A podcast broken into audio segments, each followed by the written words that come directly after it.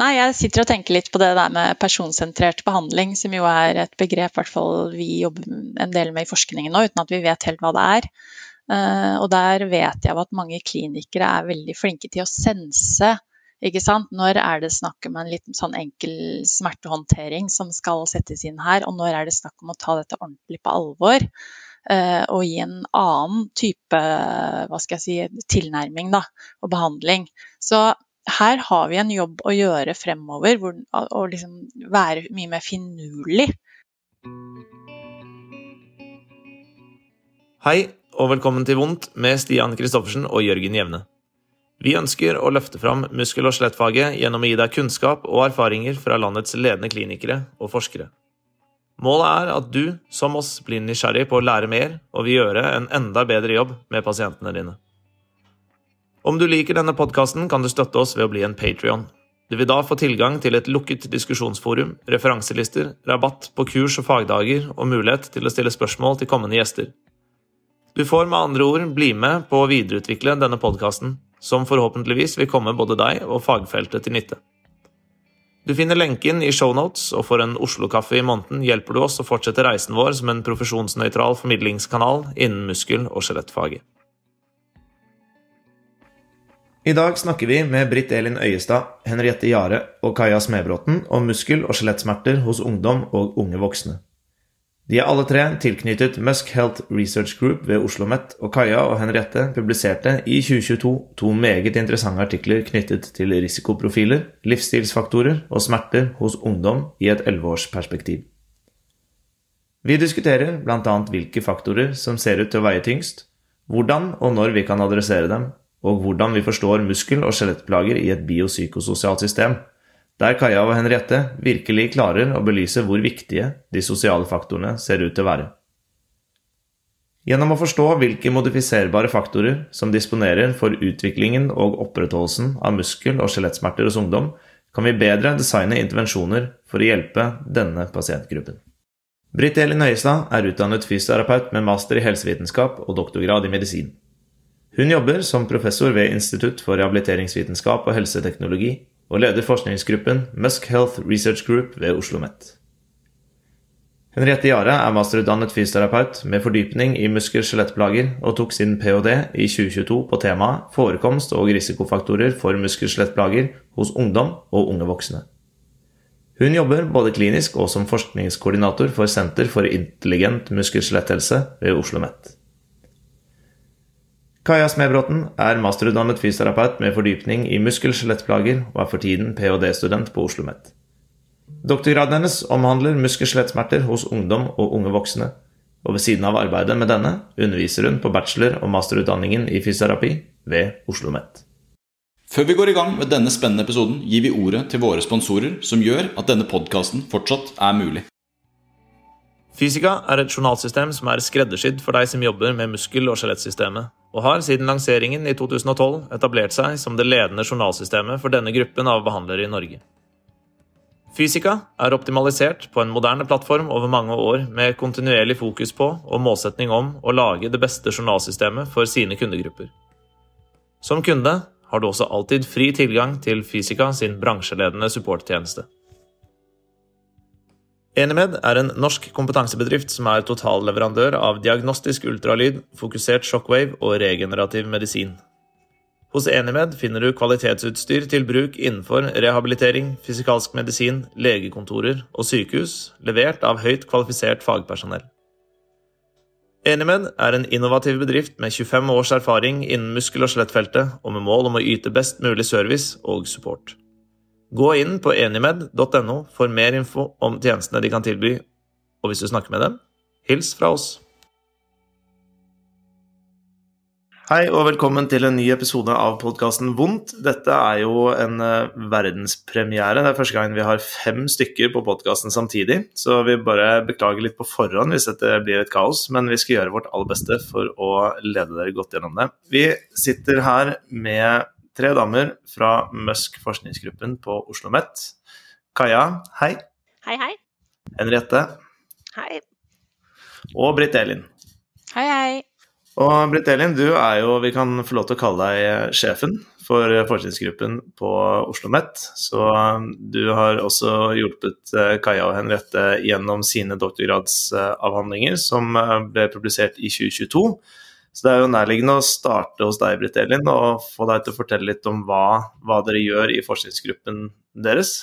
Ja, forskningsgruppen muskel-skjeletthelse, som vi kaller oss, ble til i 2015. Den ble startet av professor Margaret Grotle, og jeg var også med fra starten.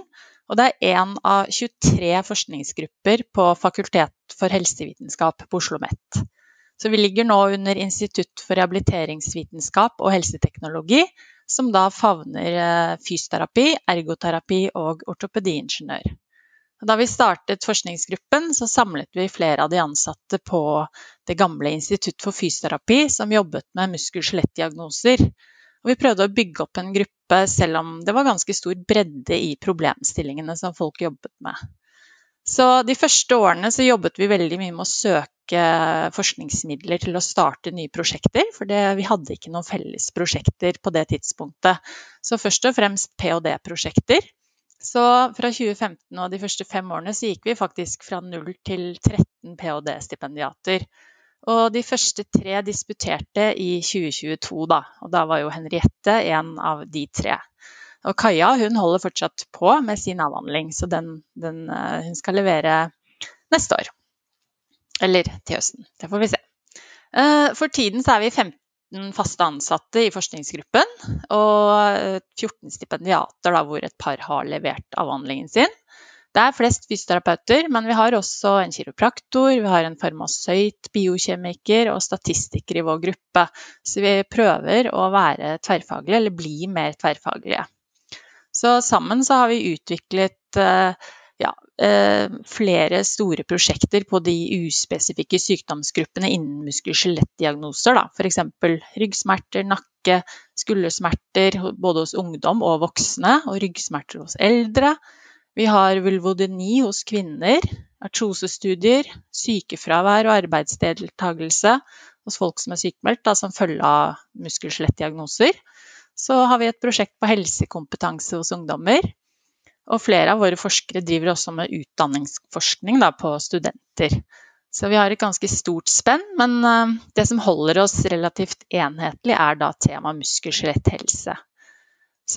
Men vi jobber i litt mindre team og grupper inn i forskningsgruppen, med stort trykk da på ph.d.-prosjekter. Og så har vi felles månedlige møter og sem årlige seminarer. Så har jeg også lyst til å nevne at fra 2021 så fikk Margaret Grotle midler til en satsing på kunstig intelligens og muskel-skjeletthelse, som heter Senter for intelligent muskel-skjeletthelse. Eh, og vi jobber sammen, da, muskel-skjeletthelse, og dette senteret. Så eh, da, i 2021 så tok jeg over da lederrollen for forskningsgruppen, mens Margaret fortsatte da med dette SIM-senteret.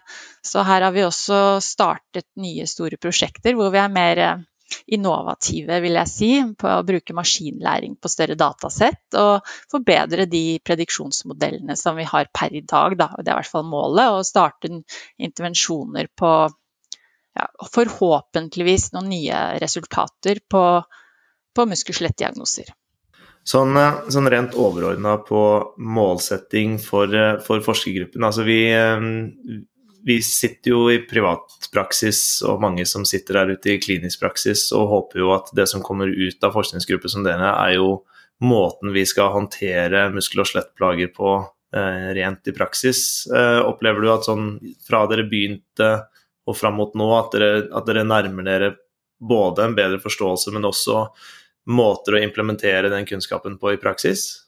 Både òg. Det er klart vi gjør eh, For å starte på en måte en forskningsgruppe, så må vi begynne med prosjekter hvor vi får opp en del kunnskap som kan gi oss eh, bakgrunn og et grunnlag for å starte intervensjonsstudier som er mer kliniske. Men vi gjør alt fra kvalitative studier til systematiske oversikter til studier på de store befolkningsundersøkelsene og registerdata. Eh, og så bruker vi all den kunnskapen på design- og intervensjonsstudier som vi håper skal gi resultater for klinikken. Så vi har flere prosjekter hvor vi bl.a. i samarbeid med Nav eh, hvor vi eh, er nå i diskusjon om de skal implementere f.eks. motiverende intervju i Nav-systemet for sykemeldte. Og også andre type samtalebaserte intervensjoner. Eh, når det gjelder det vulvodyni-prosjektet, så er det jo også et veldig klinisk relevant prosjekt hvor de gjør hele prosjektet inne i klinikken. Så mm, vi, målet vårt er å hjelpe pasientene og klinikere til å få, en, få bedre utfall på, på de muskel-skjelett-diagnosene som i hvert fall vi jobber med. Da. da er det um, nærliggende at vi um, starter med deg, Henriette, og begynner å snakke om risikofaktorer og uh, risikoprofiler for nakkesmerte hos uh, unge voksne. Ta oss litt gjennom artikkelen din og, reisen du har vært på. Ja, det her var jo min andre artikkel i ph.d.-en. Så det har jo vært en læringsprosess, men gøy. Uh, det vi har gjort i denne artikkelen her, er jo som du sier å undersøke risikofaktorer og risikoprofiler for nakkesmerter hos unge voksne. I den studien har vi benytta data fra Helseundersøkelsen i Trøndelag, eller HUNT, som de fleste kjenner den som. Her har vi samla inn potensielle risikofaktorer fra Ung HUNT 3, uh, da de var ungdommer mellom 13 og 19 år. Og så har vi fulgt disse elleve år seinere eh, i Hunt 4, hvor vi da har kartlagt om de har utvikla nakkesmerter eller ikke. Eh, også det er en eksplorativ studie, som vil si at vi har undersøkt mange faktorer på en gang, for å se hvilke som slår ut som risikofaktorer. Og eh, Risikoprofiler er jo en samling av risikofaktorer som vi også ønska å se på.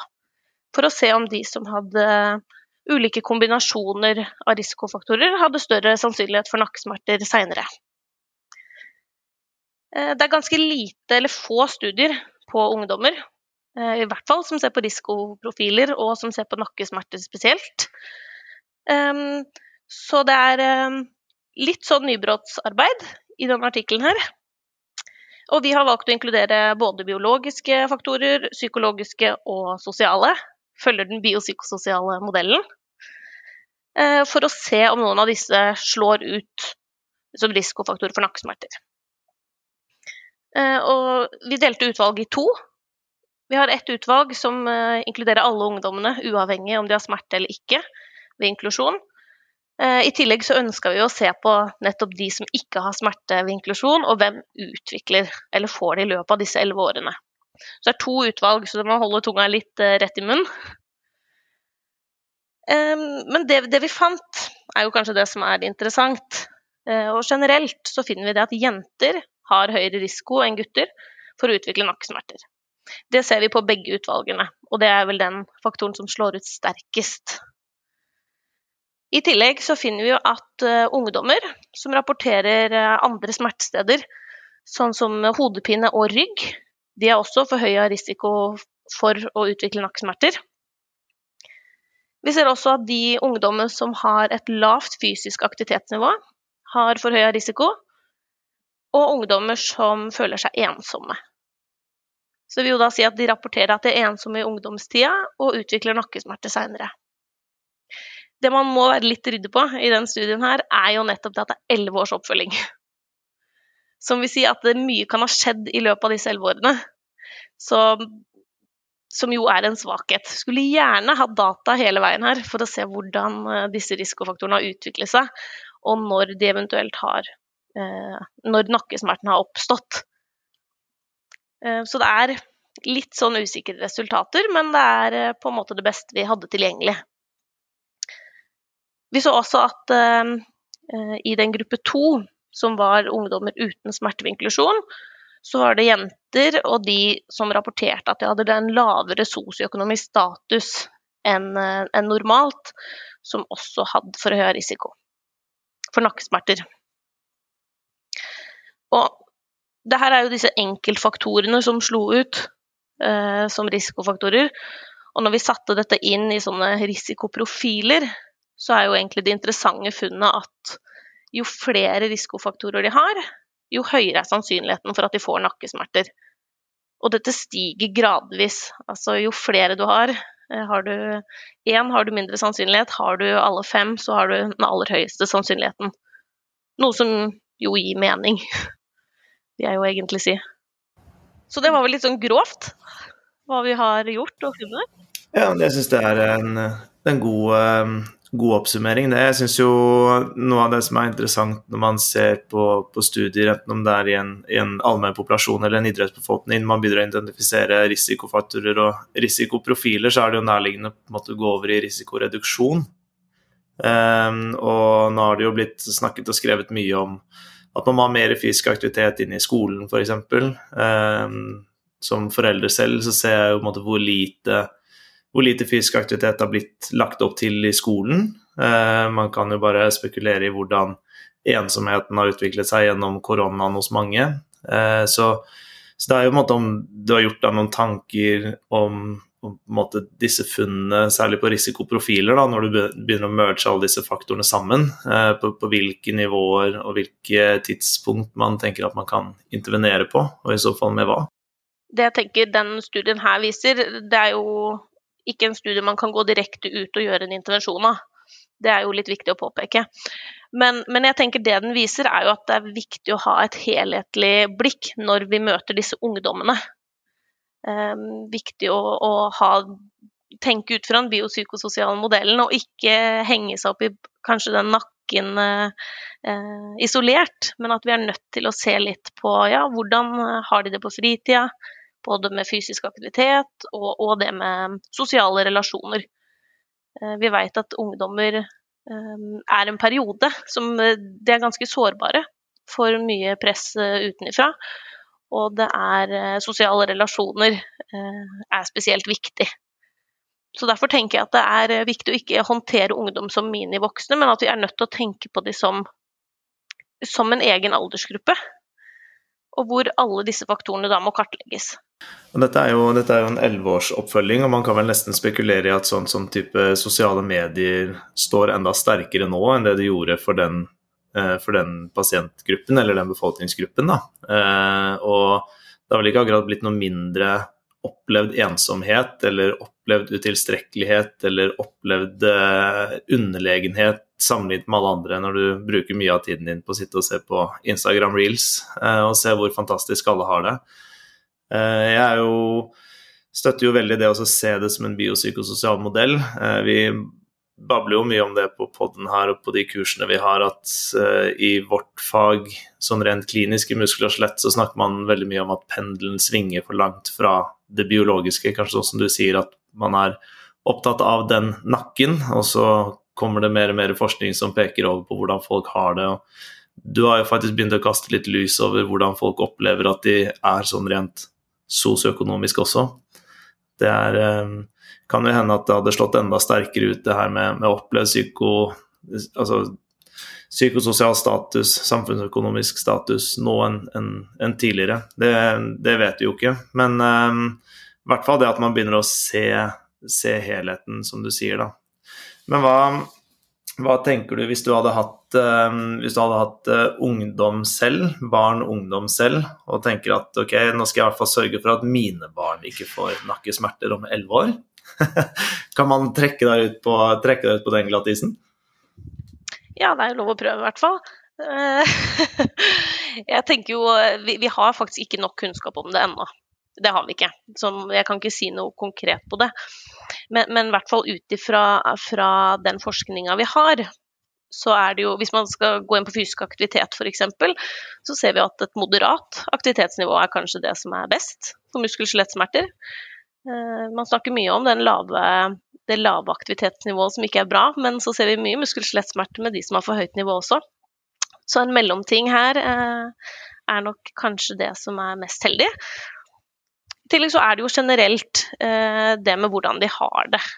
Og, og skolemiljøet og det sosiale spiller inn. Og det, det, er kanskje det man glemmer litt som fysioterapeut i klinikken, å ta med det aspektet. At det er fort gjort å, å snakke om kall det det kroppslige, da.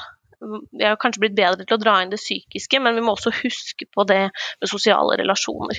Faktisk har mye å si for ungdommer. Ja, jeg vet ikke om det svarte på spørsmålet ditt, jeg. Jo, altså gode venner, moderat fysisk aktivitetsnivå og generelt prøve å ha det godt i livet. Det, det, høres så banalt enkelt ut, men det er jo faktisk ganske godt å, å, begynne å få noe tallmateriale på det som man opplever som banalt enkelt. da, For det gjør det litt enklere faktisk å få det implementert som, som på en måte akseptable intervensjoner i klinikken. Da. At dette er helt legitimt å snakke om, i tillegg til at man tenker at den nakken står rotert 3,5 grad oppad til høyre, og at derfor har det vondt i nakken. Så jeg, ja, det svarer godt på det jeg lurte på. Eh, jeg kunne tenkt meg å spørre deg, eh, du, du deler jo dette i disse to utvalgene. Det, ser dere noen sånn vesensforskjeller i de som har mye plager når de er mellom 13 og 19, og de som ikke har det sånn når du følger de opp over disse 11 årene? Altså, er det noe å hente ut av, ut av det materialet der? Det vi kanskje ser størst forskjell på, er jo at når man tar ut de som har nakkesmerter ved inklusjon, da tar man også ut mange av de som har smerte andre steder. For det er overraskende mange som har smerte, eller flere smerteområder. Så de, der har det blitt en eh, mye mindre andel av de med f.eks. Eh, rygg, eh, hodepine, i det, i det, utvalget hvor vi har hatt et smertefritt Eller de har ikke hatt nakker ved inklusjon. Eller så er det jo to Jeg får jo forskjellige resultater, som du ser, i de, i de to utvalgene. Og her er det nok en del statistiske Eh, ting som også spiller inn. Både det med utvalgsstørrelse, men også selve modellen. Eh, som, som, gjør at de blir forskjellige. Uten at jeg trenger å gå i detalj på det, for det tror jeg blir kjedelig. ja, nei, men jeg, jeg, jeg, jeg, tenker jo litt sånn altså det er Sånn I forhold til klinikken så er man jo egentlig ikke så veldig overrasket over at mange av disse pasientene som, som har nakkeplager, også har plager andre steder, og at det i seg selv ser ut til å være en risikofaktor. og jeg synes på mange måter at man ser mindre og mindre av de der isolerte nakkene, eh, og, eller isolerte ryggene, eller egentlig hva som helst, hva det skulle være. og holdt på å si, desto, desto, tyngre og vanskeligere du opplever at pasienten er, desto mer vondt har den andre, andre steder. Det, og det henger vel ganske godt overens i dette materialet ditt også, da. Eh, men av disse vi skal si, kumulative risikofaktorene der, er det, er det noen som du tenker er Eller ser dere noe som skulle være de verstingene, eller er det jevnt over bare, bare risikofaktor eh, opphøyd i femte? Det som kanskje er mest støtta i litteraturen fra før, og som vi også eh, viser egentlig en, en nyere studie etter den her, er jo det med å ha smerte flere steder. At det er en du kaller det risiko- eller prognostisk faktor, rett og slett for um, dårligere utfall. Har du vondt flere steder, så er det, som du sier, det er vanskeligere å få det bra. Så her kan man jo også tenke seg at man bør, eh, om det er mulig, komme enda tidligere inn før denne smerten setter seg, da. Det er, jo, det er jo ganske i tråd med altså Vi snakket med Ingebrigt Meisingseth for um, nå er det jo snart tre år siden omtrent, eh, om, eh, om, hans fenotyper, eller tanker om fenotyper inn i, inn i muskler og skjelett, og hvem som blir bra, hvem som ikke blir bra. Det var jo, Der også er jo en av disse tyngre pasientgruppene da, når vi kommer ut i liksom 3, 4, altså fenotype 3-4-5, at det er jo ganske gjennomgående at de også har smerte mange steder rundt i kroppen. Um, i, um, i, din, um, i din artikkel så snakker du litt om det her med sentral sensitivisering og smerteprosessering som en eventuelt underliggende årsak. Det kan jo være naturlig å, å, utforske det litt videre, siden du hadde det med i diskusjonsdelen. Så kan du jo få lov til å dele litt tankene dine rundt deg. det er jo ikke noe vi har undersøkt, men det er jo en mulig hypotese da, at det kan være med å bidra til at de har smerte flere steder. Men det er ikke noe vi har gått inn og forska på. Det er mer en sånn så mulig forklaring på hvorfor de har vondt flere steder. Hvor, hvorfor tenker du det er en mulig forklaring? Sånn, uh, vi, vi, skal jo prøve å trekke fram det som står litt, litt mellom linjene, så, så, jeg vet at dere ikke har forsket på det, men det er jo måte, interessant. Du har jo helt sikkert gjort deg noen, noen tanker om det? Ja, man, man, ser jo det at hvis du har langvarig smerte ett sted, så blir det jo ofte en utbredelse av det smerteområdet. Uten at jeg skal gå i detalj på hva sentral, alt om det sentrale. Um, så, så, er det rett og slett det som er tanken bak det. Kan man også tenke seg at det har, har, kan ha noe med selve smertehåndteringen å gjøre? Altså, Rachel Chester har jo vist en del på, på skulder, det her med pain self-efficacy, og, og, og hvor, hvor, dårlig mange, selv med ganske lav smerte ved baseline, faktisk håndterer smertesituasjonen sin. Og de to tingene sett sammen, har, det, har dere gjort dere noen tanker om det? absolutt. Og det hadde jo vært veldig interessant å målt, men det hadde vi dessverre ikke data på. Eh, men smertehåndtering er eh, det så kanskje Meising setter de på. Men, eh, men de Daniel, Daniel Major har i hvert fall kikket på det i, i skulderhåndteringen sitt doktorgradsarbeid, så det, man kan jo helt sikkert få, få de, de, endene til å møtes. Jeg tenker også at det er interessant når man ser på en måte modelleringen av dette og hvor mange faktorer som spiller inn, og helt sånn åpenbart som du sier at, at med sentrale sensitiviseringsmekanismer sett sammen med smertehåndtering, så begynner det kanskje å tegne seg et bilde av hvem det er som sliter mest over lengst tid. Da, som peker litt i retning av hvilke virkemidler vi kanskje burde, burde bruke i, i, klinikken også. Jeg, som, som, far til en elleve år gammel gutt, så kunne jeg jo ikke unngå å, å ville ta opp det her med skjerm og nakkesmerter. For det er jo Jeg tror ikke man er gjennom en eneste skoledag, skoleuke, arbeidsuke, foreldremøte uten at eh, skjermbruk blir tatt ut på et helt sånn generelt grunnlag. Så litt på samme måte som altså, Arbeidet ditt er jo i veldig stor grad hypotesegenererende også, på samme måte som det er med sentralsensitivisering. Så tanken din bak, bak dette med skjermbruk og nakkesmerter, eh, dine tanker om det? Ja, det er sikkert det Hvis du spør folk eh hva de tror er årsaken til nakkesmerter hos ungdom, så svarer den sikkert over halvparten i hvert fall skjermbruk. Men det veit vi ikke. Og så veit vi ikke i så fall hvorfor. Eh, vi har ikke kartlagt det her, for vi har for dårlig data på det. Til nå finnes det egentlig ikke noen gode studier som har kartlagt eh, skjermbruk på en eh, bra nok måte. Det er ofte selvrapportering, og man kan jo tenke seg sjøl, hvis ikke man er veldig flink til å se det på iPhonen sin hvor, uh, hvor mye man ser bruker hver uke, så, så, er ikke det så veldig holdbart mål, egentlig. Um, men at man spekulerer i det, absolutt, og at det bør undersøkes mer, er helt klart. Og så kan man stille seg spørsmålet om, om hva er det ved skjermbruk som i så fall gjør at du får vondt i nakken. Er det, er det det biomekaniske, som mange tenker, at du sitter og ser ned? Eller er det det du ser på skjermen? Som kan påvirke disse andre prosessene eller faktorene som ensomhet eller utenforskap.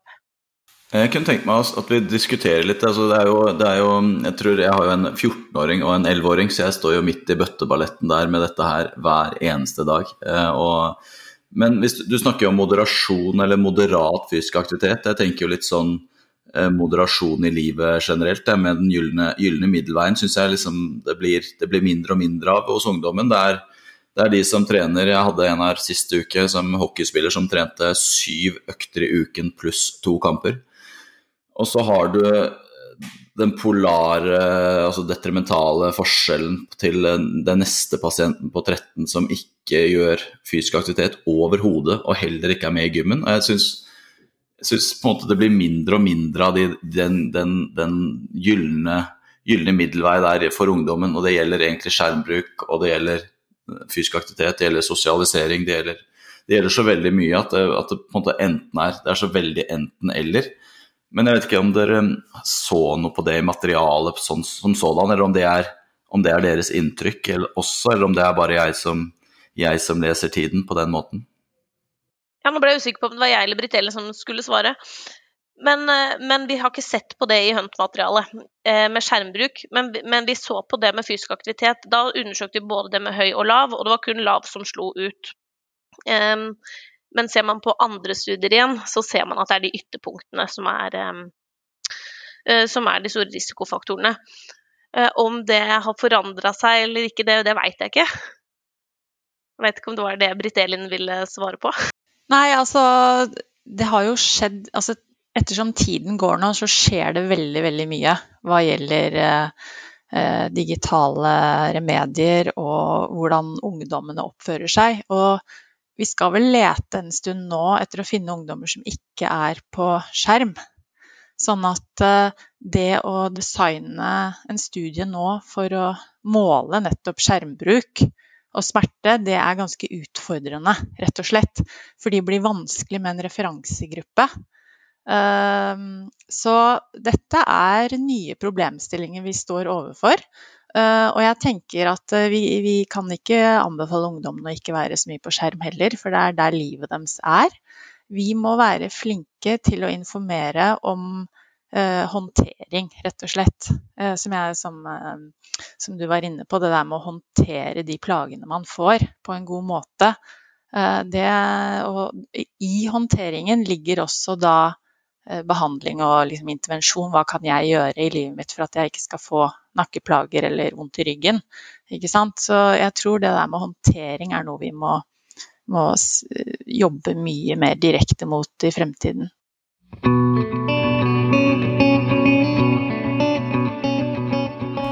Vi tar en kort pause i denne episoden for å høre fra en av våre sponsorer. Å holde seg oppdatert som kliniker i dag er lettere sagt enn gjort. Antallet artikler du føler du burde lest, bare øker, og informasjonsmengden på podkaster og sosiale medier fremstår helt uoverkommelig å gape over. Som kliniker er du begrenset på tid, og vil også være kritisk og selektiv til hvilke kurs du prioriterer, både pris og tidsmessig. Kjenner du deg igjen i dette? Da kan masterclass av Physio Network være løsningen for deg. Her får du tilgang til om lag 100 timer med kurs på nett med verdens ledende eksperter innen fysioterapien. Hver masterclass er på to til tre timer og dekker de vanligste muskel- og skjelettlidelsene som du ser i klinikken, f.eks. skuldersmerter og korsbåndskader. Det gis ut en ny masterclass hver måned, og du får tilgang til alt dette for ca. en hundrelapp i måneden. Det er mye verdi for pengene. Du kan prøve tjenesten helt gratis i syv dager og se om det er noe for deg. Bruker du vår rabattkode VONDT, så får du 20% rabatt på ditt første medlemsår. Gå inn på www.fysio-network.com nå for å bli en bedre fysioterapeut. Og med det så snakker vi videre med Britt Elin, Henriette og Kaja. Følg med! Det er jo sånn når man kjører forbi Jeg leverer sønnen min på, på, på bussholdeplassen hver morgen, og det er klart når du kjører forbi ti ungdommer som prøver å kjøre 150 grader fleksjon i nakken med altså haken godt inn i brystplata, så tenker jo biomekanikeren i meg at dette er merkelig. Men, men eh, så tenker man kanskje sosialt sett så er det enda merkeligere. ikke sant? At det er ti gutter og jenter som ikke står og prater sammen. Og de, de prater ikke sammen på bussen, og de prater ikke på vei ned til bussen eller opp fra bussen. Så, så, og så blir man jo veldig fort veldig gammeldags og tenker at uh, disse har det, de, de, har det så fælt fordi de ikke har det sånn som, sånn som jeg hadde det. Uh, og det, jo, det, jo, det, går jo veldig fort der, som du sier. Så man legger jo til seg, man jo til seg uh, motstand da, for dette uten at man nødvendigvis ha, trenger å gjøre det, kanskje, eller, eller har grunnlag for å gjøre det. Jeg vet ikke. Har, har du kommentar, Henriette? Ja. man kan også tenke seg litt hva det tar eh, tida bort ifra, da, hvis man sitter mye på skjerm. At uh, da tar det kanskje bort noe av den fysiske aktiviteten man hadde før. Som gjør at man blir sittende mer i statiske stillinger uh, osv. Så, videre. så det er også tenker jeg en viktig faktor som kan inn i, inn i det bildet. Ja, altså, både jeg og Stian har jo gjort villet oss så vondt at vi er blitt fotballtrenere og håndballtrenere begge to. Så vi, vi tilbringer mye tid med disse barna. og og det jeg på en måte legger merke til altså Jeg har jo som sagt en 11-åring og en 14-åring. 14-åringen de er jo aldri ute. De, de, der er frileiken mer eller mindre helt borte. Eh, mens 11-åringen, der er det fortsatt en viss grad av, av lek, da, kan man si. Men, men det, det syns jeg spesielt som foreldre er utfordrende, fordi du klarer ikke å du klarer ikke lenger å sende et barn ut og forvente at han bare går og leker. Og at de drar i bingen og spiller fotball eller at de klatrer i trærne. Fordi at uh, man er ikke på bølgelengde nødvendigvis med alle, alle, foreldre. og Foreldre ser ikke på dette her likt, og man tenker ikke på, tenker ikke på det likt. Så, så, det er veldig lett å havne nedi gata hvor, det, hvor, andre foreldre blir kjempeglade for at det kommer folk på besøk, og så er det fram med potetgullet og, og, og, og, gamingen, liksom. Så Britt Elin har en uh, kommentar på den, kanskje? Ja, jeg tenker uh, Jeg kjenner også godt til ungdommer i dagliglivet. og det er ikke alt som er negativt med skjermbruk. Det er TikTok-danser. Det er bevegelser de aldri har gjort før. Koordinasjon. Det er treningsprogrammer. Det er influensere som hjelper de på vei til både det ene og det andre. Så det er ikke alt. Vi skal liksom ikke være helt negative heller, for de får faktisk en del nye impulser. Og mange som ikke er aktive, vil jeg anta også gjør en del aktivitet gjennom skjerm fordi de får De blir påvirket på, på andre måter. Så vi skal, ikke, vi skal ikke være helt uh, gamledagse heller, syns jeg. Vi skal være litt positive og tenke hva kan vi bruke skjermbruken til for å hjelpe de videre? Hjelpe de til å få bedre helse, de som sliter. Jeg er, helt enig der. Jeg har faktisk endret ganske mye syn på, på, skjermbruk. Det er sikkert en sånn psykologisk forsvarsmekanisme for å ikke bli gal i hverdagen. Men uh, i hvert fall når man ser, ser det altså potensielt positive og det sosiale som kan skje, så er jeg i hvert fall helt enig at eh, det handler om eh, innholdet, altså hva man bruker tid på der inne. Det å på en måte fortape seg i en evig strøm av uh, Instagram reels med, med influensere er ikke nødvendigvis det mest oppbyggende for en som allerede føler seg ensom og ikke helt blant eh, den gjengen de har lyst til å være i på skolen. Eh, så, så får man jo heller ta tak i det, kanskje i større grad enn det, enn det biomekaniske. Um, og hvis vi da kan bevege oss litt videre over i, i Kaja sin studie, som faktisk handler om på en måte atferd og livsstilsfaktorer hos den samme gruppen, litt basert på det samme datagrunnlaget, så um, prøver liksom å gå litt i sirkel, så kan vi jo prøve å se likhetstrekkene mellom, eh, mellom forskningen deres eh, etter hvert. Men kan ikke du ta oss litt gjennom din, eh, din artikkel? Dette er da en studie hvor vi har ønska å se på om en sammensatt livsstil i ungdomsår, altså en kombinasjon av flere livsstilsfaktorer, om det har sammenheng med hvem det er som da rapporterer langvarig muskel-skjelettsmerte når de blir unge voksne, elleve år etterpå. Eh, og en sammensatt livsstil, har da, eh, her har vi da laget en variabel hvor vi har sett på en kombinasjon av det å ha lavt fysisk aktivitetsnivå, eh, søvnproblemer, røyking, høyt alkoholforbruk, bruk av narkotiske stoffer og det å ikke oppnå anbefalt mengde frukt og grønt i løpet av, i løpet av en dag. Så har vi da satt disse variablene sammen, og så rett og slett telt da, uh, hvor mange ugunstige livsstilsfaktorer disse ungdommene har. Og da tenkte vi at jo flere man har, jo mer ugunstig livsstil, eller helhetlig livsstil har man. Uh, og hypotesen vår har jo da vært at det å ha en mer sånn sammensatt ugunstig livsstil, eller jo flere, flere ugunstige livsstilsfaktorer vi har, jo større risiko er det for å, for å ha muskel-skjelettsmerter senere i livet. Eh, bakgrunnen for, for, det er jo at vi det har, det har, blitt gjort noen studier som har sett på livsstilsfaktorer blant ungdom, men da har de jo sett på hver og en av disse, disse faktorene. Og der har vi jo sett som for fysisk aktivitetsnivå, søvn, alkohol, disse faktorene, så ser man veldig mye varierende resultater. Noen finner en sammenheng, andre finner ingen sammenheng. Eh, så har på en måte tanken vår vært litt det at at, kanskje, at vi rett og slett må se på flere av faktorene sammen for å få et litt mer sånn helhetlig bilde av det. Um, og at det kanskje er, er, først når man har flere av disse faktorene da, at vi faktisk kan se en litt sterkere sammenheng. Um, så det vi da har gjort metodisk, er at vi har jo også benytta oss av det samme datamaterialet fra helseundersøkelsen i, i Trøndelag. Eh, og har da 1824 ungdommer som vi da har eh, fulgt da fra de er unge, unge, og så oppfølging da igjen 11 år etterpå når de har blitt, eh, blitt unge voksne. Så har vi da Med utvalget vårt så har vi da delt de inn i om de har smerter eller ikke på, på oppstart. Litt for å kunne dele inn i dette vi kaller risiko- og prognostiske faktorer. Da, at vi har sett på de som er smertefrie når de er ungdom, for å kunne si noe om hvem som utvikler eh, plager, altså en risikofaktor. Men vi har også sett da på livsstil hos de som har smerter når de er unge, for å se om, se om det har noe å si for prognosen, om de fortsetter å ha smerte da når de seinere i livet. Eh, og det vi fant, var jo at vi, eh, vi fant ingen sammenheng i den, eh, i den, gruppa som var smertefrie på baseline. der fant vi ingen sammenheng mellom livsstil og seinere smerter. Men i, i, den gruppa hvor de hadde smerter når de var ungdom, der fant vi at hvis de hadde fire eller flere av disse ugunstige livsstilsfaktorene, da hadde de mer enn dobbelt så høy odds for å ha langvarig muskel-skjelettsmerter elleve år seinere. Så altså en sammensatt ugunstig livsstil eh, som ungdom eh, økte da risikoen for å, for å ha langvarig muskel-skjelettsmerte mm, elleve år, år, etterpå.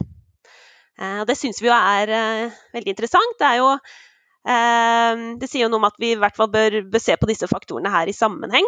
Eh, litt sånn klinisk sett så tror jeg jo vi som terapeuter er jo veldig opptatt av dette med fysisk aktivitetsnivå og spør om det. Eh, og det er nok mange som spør om disse andre livsstilsfaktorene også, absolutt. Men jeg tenker i hvert fall at det her viser hvor viktig det er at vi, at vi må undersøke det litt breiere, og sette de faktorene her litt mer i, mer i sammenheng, da. Og at det viser litt, eh, ja, litt sånn bredere helseperspektiv da, på muskel- skjelettsmerter hos, hos, unge, som vi syns er, er veldig interessant. Det er jo, man kan jo noen ganger litt sånn flåste si at den største risikofaktoren er å bli født inn i feil familie. Eh, det er jo nesten litt det man, man kan se her òg. Så det her med sosioøkonomisk status, aktivitetsnivå, dårlig inntak frukt og grønt, høyt alkohol altså det, det, er jo overrepresentert i noen lag av befolkningen og andre ikke. Eh, nå kjenner jo ikke jeg hele datamaterialet til Hunt, men generelt sett så er vi jo vi er jo på en måte ganske i en høy sosioøkonomisk standard i Norge i utgangspunktet. Da. Og det er jo kanskje også de som i størst grad klarer å svare og følge opp eh, disse spørsmålene over tid. Så selv med den selekterte populasjonen av mennesker i det sosioøkonomiske laget, så tegner det seg helt klart et bilde av at, at det er vesentlig bredere, disse problemstillingene, enn det vi kanskje har tenkt. da, At eh, liksom, trening er medisin. Så her skal vi bare skal vi bare få deg til å trene kondisjon to dager i uka, så skal du se at dette blir, at dette blir helt fint. Mm, absolutt. Um, nå tenker jeg akkurat i den uh, her har Vi jo, vi har jo prøvd å justere for dette med sosioøkonomisk status når vi har sett på det med livsstil. Da. rett og slett fordi vi vet jo at det henger så tett, uh, tett, sammen. Så vi finner jo en sammenheng selv når vi justerer for dette med sosioøkonomisk status, men samtidig så selv om vi har justert for én variabel, så kan det absolutt være at disse med, som vi finner, er en, er en litt sånn sosialt sårbar gruppe. Det, vi vet jo ikke helt hva, hva, mekanismene bak sammenhengen er, men det, det, kan absolutt være en mulighet, det også. Litt sånn samme spørsmål til deg som til Henriette i stad. Er, det, er det noen er det, altså Jeg vet ikke om Jeg er ikke noen forsker, så jeg, dette er jo deres eh, bord. Jeg, jeg, spør bare sånne dumme, pragmatiske, kliniske spørsmål. Men er er, det noen, er det noen av risikofaktorene som ser ut til at de veier tyngre, som sånn hypotetisk sett vil være viktigere å gripe fatt i som kliniker? Eller, eller, er det på en måte bare den kumulative effekten per se? Det er veldig, veldig interessant spørsmål, egentlig. Hvis vi ser litt på bredere på det som er gjort av tidligere forskning, så ser man, som, som jeg nevnte innledningsvis, at det er veldig mye varierende i forhold til mange av livsstilsfaktorene. Så er det én faktor som, har, som vi i mye forskning finner at er, har eh, sammenheng, og det er røyking. Både som en risikofaktor og en prognostisk faktor. Og så kan man jo da stille seg spørsmålet hva er, hva er grunnen til det? Eh, og blant ungdom Man kan kanskje ikke tenke seg at man har fått så store fysiologiske eh, Eller at det har skjedd så mye fysiologisk av denne røykinga eh, når du er ungdom, eh, som gjør at du skal ha større risiko for å, for å få smerter.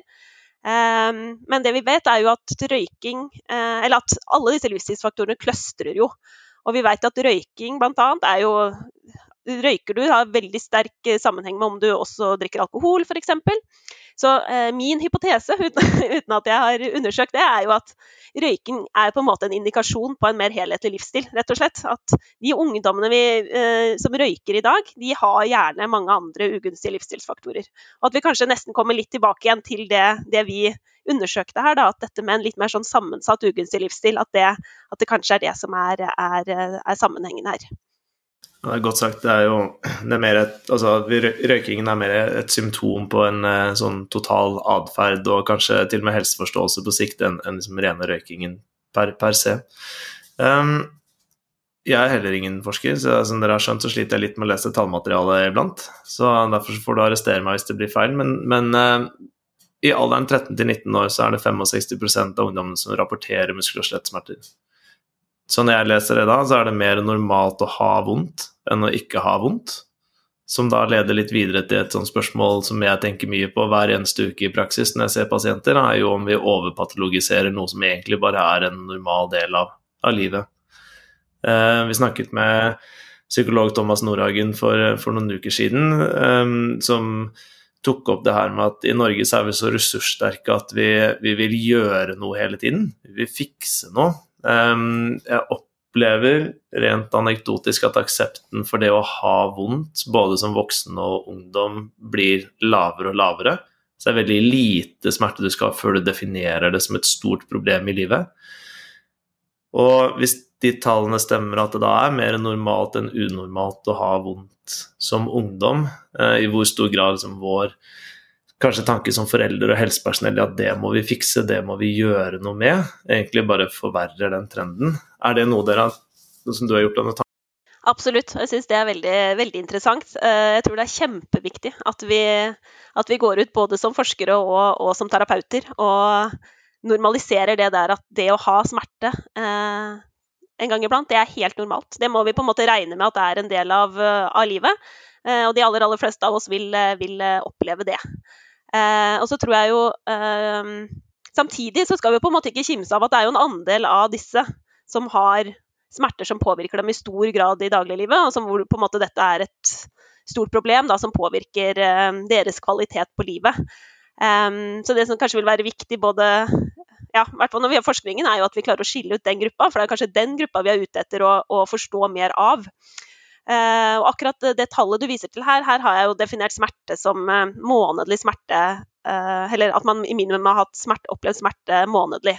Eh, og her har vi nok fanget opp både de som har eh, eh, smerte som ikke er så påvirkende i dagliglivet, og selvfølgelig også de som er, har mer alvorlig smerte. Men akkurat i den sammenhengen du peker på her, så var det litt med vilje, for det var bare kun for å dele inn utvalget i smerte og de smertefrie. Vi ønska liksom et utvalg som var helt smertefrie.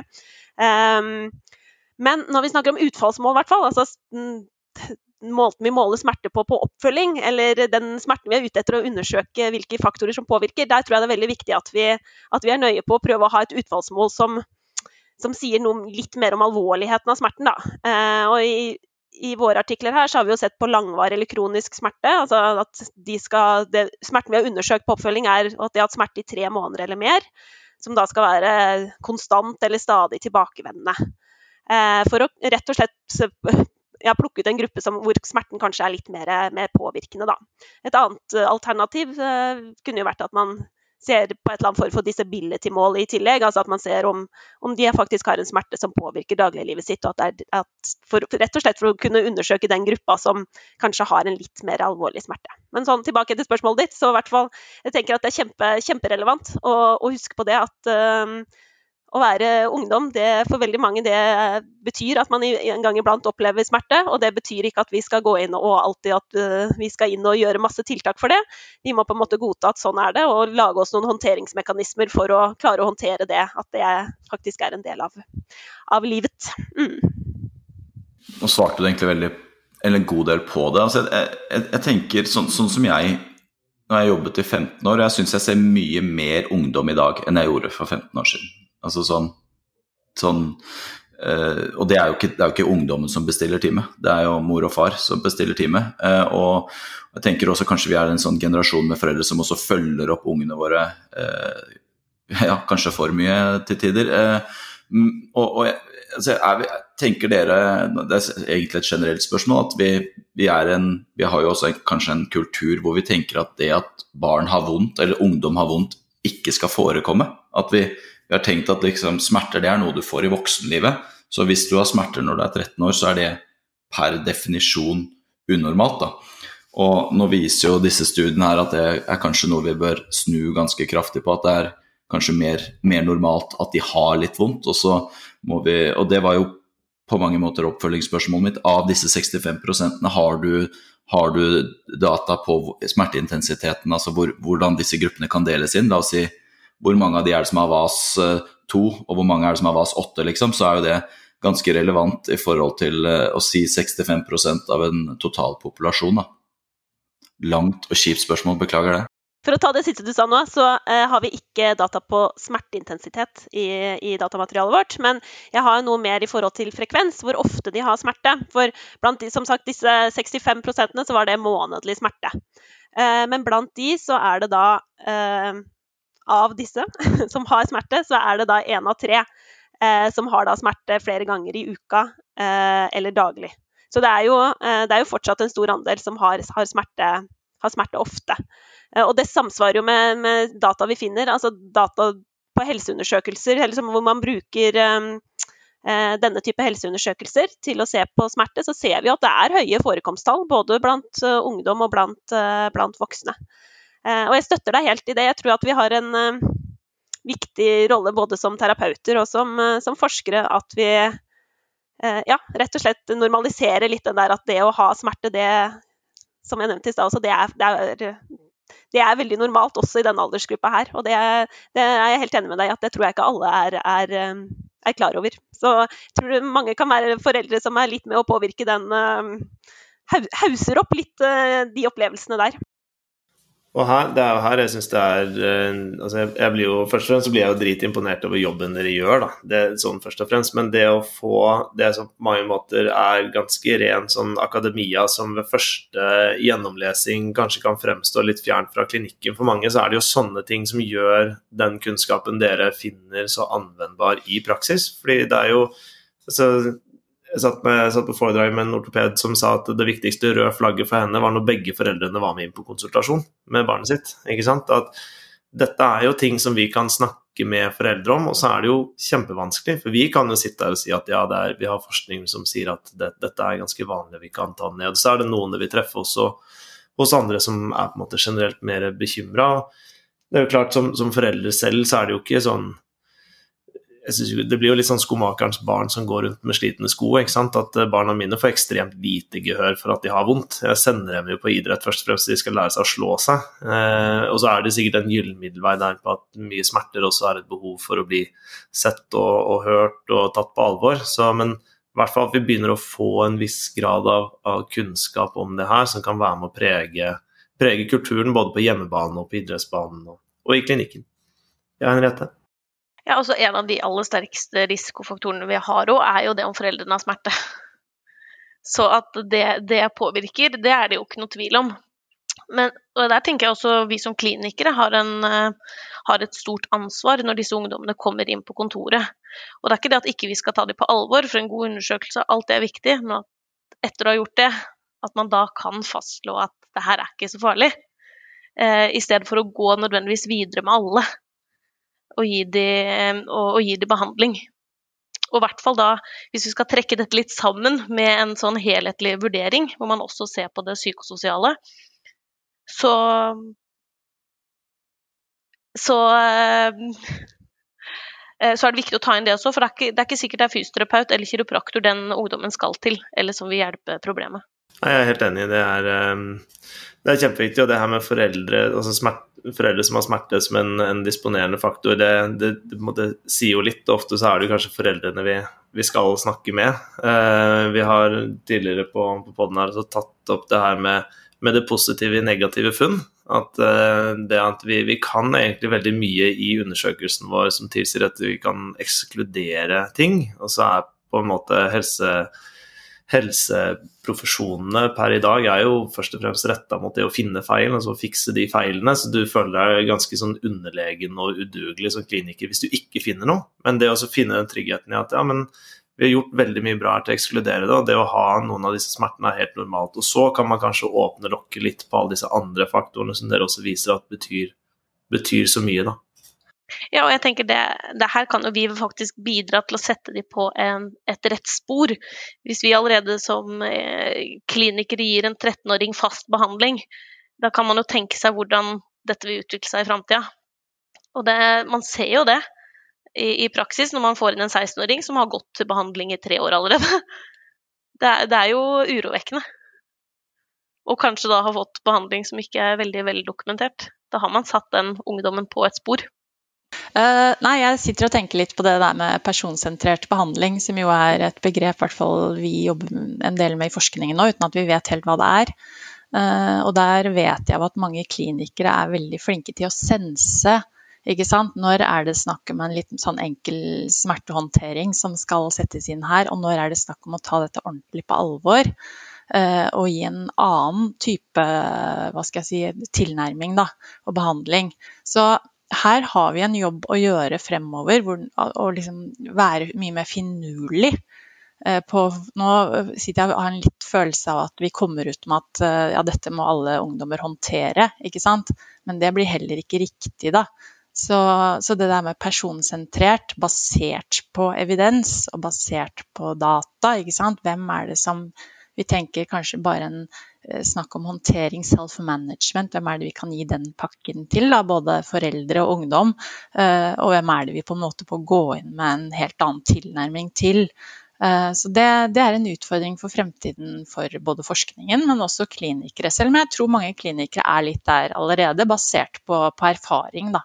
Ja, det, jeg, det, veldig, det, kjente jeg meg veldig godt igjen i. Altså den den, det å sitte og lese forskning, og så er det én lik én på kontoret i morgen når man skal prøve å, å gjøre, gjøre, noe fornuftig ut av, av den forskningen man har, man har lest. Og, og det, er jo Jeg snakket med Lene Fleischer, som er psykomotorisk fysioterapeut, og hun hadde nå to års ventetid, og det er det samme jeg hører fra psykomotorikerne nede i Sandvika, som er mine nærmeste sånn, uh, geografiske samarbeidspartnere. At jeg, jeg, tror, jeg, tror, vel ikke det at vi som sitter her ute Det, det er ikke det at vi ikke, ikke prøver å, å, å, hjelpe de gjennom andre kanaler, det er bare det at de kanalene også ser ut til å være fulle. Og så, så, så er man jo Man er jo møter seg jo selv og sin egen utdanning ganske kraftig i døra ganske ofte nå. Eh, med tanke på Nå snakket jeg om 100 grader, 150 grader fleksjon i nakken ned i brystplaten i stad. og det, det, er jo ikke til å komme fra at man fortsatt har en veldig biomekanisk forankring i utdanningene sine. Uavhengig av om du har lest uh, fysioterapi eller kiropraktikk eller osteopati og, og, og så videre. Så, så, så det, jeg tror meg selv inkludert kjenner på en utilstrekkelighet i forhold til hvordan jeg skal gå videre med disse sosiale problemstillingene når man sitter der med en lik en. Eh, det, det, det syns jeg er kjempeutfordrende, må jeg bare være ærlig og si. Ja, nei, det er eh, Altså, den, den utilstrekkeligheten den føler vi nok på uansett. Og det å se at uh, faget går en litt annen retning enn der det var for 15 år siden, det, det er jo på, på, en måte naturlig og, og, gjør sikkert litt vondt. Og noen har vel uh, fagidentiteten sin litt mer forankret i metodikken enn en andre. Så hvis, uh, hvis måte fagidentiteten kan ligge på samme måte som i forskningsgruppen, da, hjelpe pasienter og hjelpe klinikere, så tror jeg man utvikler seg i, i takt med, med faget. Um, men nå er vi jo inne på det her med håndtering, og som du sier, Britt Elin, at man måte, det er ulike tiltak til ulike personer, og man håndterer ting ulikt. Men eh, de uten smerter ved baseline, Kaja, så, så, ser det ut til at det å ikke ha vondt Sånn, den unormale delen av befolkningen tydeligvis, da, som ikke har vondt, at det, virke, det kan virke preventivt. At de heller ikke utvikler smerter i, i like stor grad senere i livet. Vet vi noe om hvordan de fører livene sine, eller altså vet vi noe om det? Er det noe vi kan lære av den gruppen, enten som ungdommer eller sånn familiært sett, som man kan benytte seg av i håndteringen videre? Det der er jo veldig interessant. Eh, vi ser jo eh, i tallmaterialet vårt så ser vi jo at ja, blant de som ikke har smerter når de er ungdom, så er det ca. én av fem som får smerter når de er unge voksne. Men hvis du har hatt månedlige smerter, så er det én av tre. Og hvis du har hatt nesten, nesten, daglig eller mange ganger i uka, så er det nesten én av to som får smerter når de er unge voksne, eller som fortsatt har smerter når de er unge voksne. Så det er jo veldig spennende, vi, eller interessant, da, at vi ser at eh, eh se, på, se, på, den sammenhengen. Og det er jo et stort spørsmål. Hadde vi hatt et veldig godt svar på det her, så hadde vi jo, tror jeg vi kunne løst mye.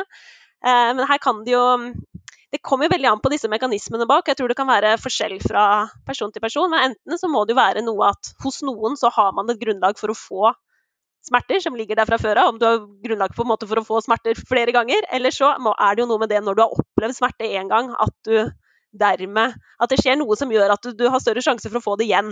Altså det er, um, og, og, det har vi jo ikke noen gode, gode, svar på, bortsett fra disse risiko- og prognostiske faktorene som vi prøver, prøver å finne, finne, ut av. Da. Og som ser ut til å være, være en uh, kombinasjon av, av uh, flere, ja, flere faktorer.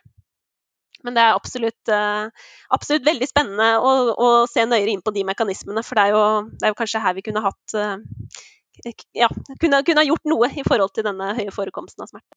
Jeg er jo nesten frista til, til, å prøve å ekstrapolere noe av funnene deres, både til deg, Kai og Henriette, over i, i forskning som er gjort på, på idrett, da, som, som, har fulgt litt sånn samme trajectory. At vi har sett etter enkeltfaktorer, sånn risikofaktorer, Eh, og så har man f.eks. sett at vi skal trene styrke, så reduserer vi forekomsten av korsbåndskader. Og så når man forsker videre på det, så er det jo egentlig ikke én risikofaktor lenger. Og hvis det ikke er den ene risikofaktoren, hvorfor er det da det ene risikoreduserende tiltaket som virker? Hvis man tar både skulder og kne inn i idretten, så virker jo de skadeforebyggende programmene, men folk blir ikke nødvendigvis sterkere eller får eliminert risikofaktorene enkeltvis. da. Så det begynner nesten å tegne seg litt det samme mønsteret som det dere ser, at det er når du begynner å clustre disse tingene sammen. Har du en 16-åring som sover fire-fem timer hver natt, er kjempestressa, vokser mye, har det sosialt kjipt, så øker også risikofaktoren for en kneskade. Og så kommer vi feiende inn fra sidelinjen og sier at sånn Nå skal vi trene, nå skal vi trene ettbeins knebøy 20 minutter to ganger i uka. Så blir det kneet ditt helt tipp topp, og så har vi redusert risikoen for kneskader. At det blir litt, blir litt enkelt. Er, det, er jeg helt på viddene her nå, eller det, ser dere noen av de samme tendensene? Jeg tenker at det er egentlig akkurat det vi, vi, har vært litt eh, ute etter å få frem. Og dette med å se på denne kombinasjonen uh, av, av, faktorer, og at, uh, at, det ikke er uh, Ja, at vi kanskje må gå litt bort fra den enkelt, enkelttiltak, enkeltfaktor skal, ha, skal være svaret, men at vi må se på en, på en litt sånn større Eh, et litt større bilde og en litt, eh, ja, rett og slett en kombinasjon av eh, hvordan, hvordan folk fører livet sitt. Da. At det er antakeligvis mange, mange ting som spiller inn på, på det med, med, smerteforekomst også. Hvis, eh, jeg og Stian har diskutert en del det her med også sånn genetikk.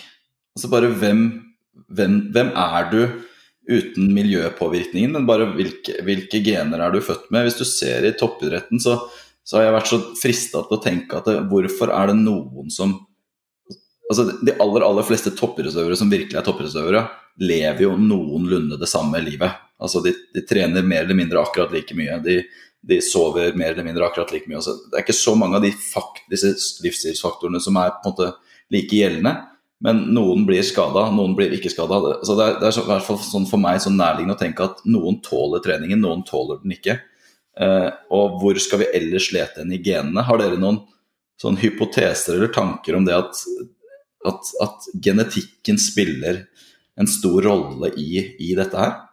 Jeg tror at altså, det er en del vi vet veldig lite om foreløpig. Altså, Hvis vi ser på studier som er gjort på ungdom og, ungdom og smerter, eh, så er det gjort veldig lite på dette med genetikk. Og jeg tenker at det er absolutt et felt som burde undersøkes eh, nøyere. Um, for, ja, for det, er, det, er, det, er, jo i hvert fall noen karakteristikker ved, ved noen som gjør at man, at man, får smerter. Og som sagt, vi vet veldig lite om den, om den, biten av det. Så jeg tenker det er eh, spennende å kunne undersøke videre. Tenker at vi ikke skal dra hele Fødson-Blitzon-diskusjonen inn her, eh, Jørgen. Men eh, det er jo definitivt noe man kan, kan, kan drodle mer om.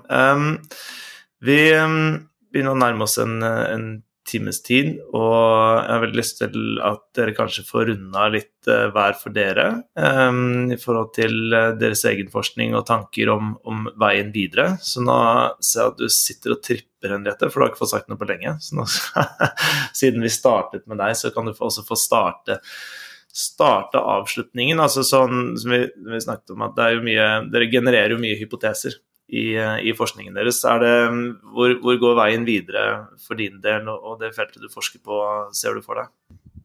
Det skinner såpass gjennom at jeg sitter og har lyst til å skravle. Det er bra. Eh, nei, jeg skal jo gå videre for egentlig fra det jeg har gjort eh, i min doktorgrad. Jeg så på forekomst og risikofaktorer for muskel-skjelettsmerter hos ungdom med et nytt prosjekt. Vi har nylig fått, eh, jeg og Britt Elin, har fått eh, mer forskningsmidler, så jeg skal til høsten begynne med en postdoktor. Hvor vi skal se på, eller prøve å utvikle en intervensjon for ungdom med smerter. Eh, fra scratch. Og det vil si at vi skal um, gjøre det helt fra bånn av og snakke med ungdommer som har smerte. Hva de, hva de tenker sjøl, hva ser de for seg som en realistisk intervensjon. Vi vet jo at uh, forskere har mange gode ideer og har satt i gang en haug av forsøk som ikke lar seg gjøre i praksis. Så her skal vi prøve å ta det ett skritt ned. Snakke både med ungdom, snakke med helsepersonell, eh, og sammenfatte dette med tidligere litteratur. Eh, og dermed klare å utvikle en, eh, en intervensjon, forhåpentligvis. Som, som, skal ja, forhåpentligvis føre til at disse har mindre smerter etter hvert.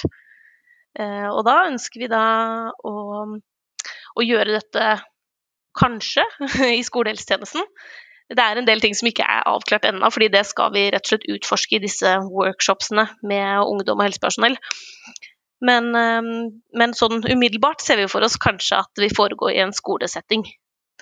Ehm, for da rammer man alle, og ikke bare de som oppsøker helsetjenesten nødvendigvis etter skolen. Så det er et veldig spennende og ambisiøst prosjekt som jeg gleder meg til å ta fatt på. Så det begynner vi med i oktober. Og så skal jeg jobbe klinisk i tillegg. Da kan vi jo snakkes igjen om sånn seks-syv år, når du er ferdig med Ja, ja men det er flott. Da holder vi, da holder, Ja. holder vi den døren holder vi den døren åpen. Eh, Kaja, du er jo ikke helt ferdig, ferdig disputert ennå. Er det fortsatt eh, nyskriving, eller har du allerede gjort deg tanker om hvor du vil videre med, med den, det kunnskapsgrunnlaget du har lagt fram, fram nå? Jeg har igjen litt arbeid på, på doktorgraden enda. En artikkel som må i boks, og, og en kappe som må skrives. Så det er for så vidt det som er hovedfokus uh, foreløpig. Men uh, jeg ønsker jo uh, Målet videre er jo å, å fortsette med, med, forskning på den, uh, på den gruppa her. Eller det, det, det jeg håper å, å, få mulighet til. For jeg syns det, det, er masse us, usvarte spørsmål når det kommer til, kommer til smerter og, og, ungdom, som jeg tenker at det er veldig, veldig interessant å, å jobbe videre med. Jeg syns jo dere har måte, tatt tak i en, en, gruppe i befolkningen som er, altså, som er, veldig viktig å ta tak i, og, og det å løfte frem. Og, og, gjennom det å få tak i de risikoprofilene dere har, så gjør dere jo også jobben mye lettere med tanke på å kunne designe intervensjonsstudier for å se om vi klarer å påvirke dette i positiv retning. Så det er jo et godt samfunnsansvar dere har tatt der, med, si. så, så hatten av. Så da det jo, blir det jo naturlig nok å si hatten av til deg også, Britt Elin. Du har sikkert masse tanker om hvordan man skal kunne bruke den kunnskapen her videre? Ja, jeg har jo det. Men uh, mi, altså min jobb er jo å fasilitere prosjekter der det trengs ny kunnskap. Som leder av en forskningsgruppe, så, så Heyong-prosjektet er i aller høyeste grad noe som det er behov for, uh, og som jeg er kjempeinteressert i. Men også andre egentlig prosjekter på hele livsløpet der vi er i 2023, og hvor vi kommer til å gå videre fremover. Så det er en utfordring. Og det med arbeidsdeltagelse, deltakelse i seg selv i samfunnet, inkludering i samfunnet, vet vi er godt for helse. Så det er mange spennende prosjekter og muligheter videre, tenker jeg, for å, for å hjelpe folk til å få god helse, og særlig da de med muskel-skjelettdiagnoser som vi vi jobber mest med. Mm. Da gjenstår det egentlig bare for meg å, å runde av og si tusen takk for, for, tiden deres. Det er sannelig ikke verst at vi klarte å samle alle sammen samtidig. Så, så tusen takk for at vi fikk plukke hjernene deres, og takk for, for jobben dere gjør. Det gjør, det gjør det både vanskeligere og lettere å være kliniker, det kan jeg si. Men alt i alt så får vi håpe at det gjør det lettere at det kommer pasientene til gode. Så, så takk for i dag. Selv takk. Selv takk. Takk.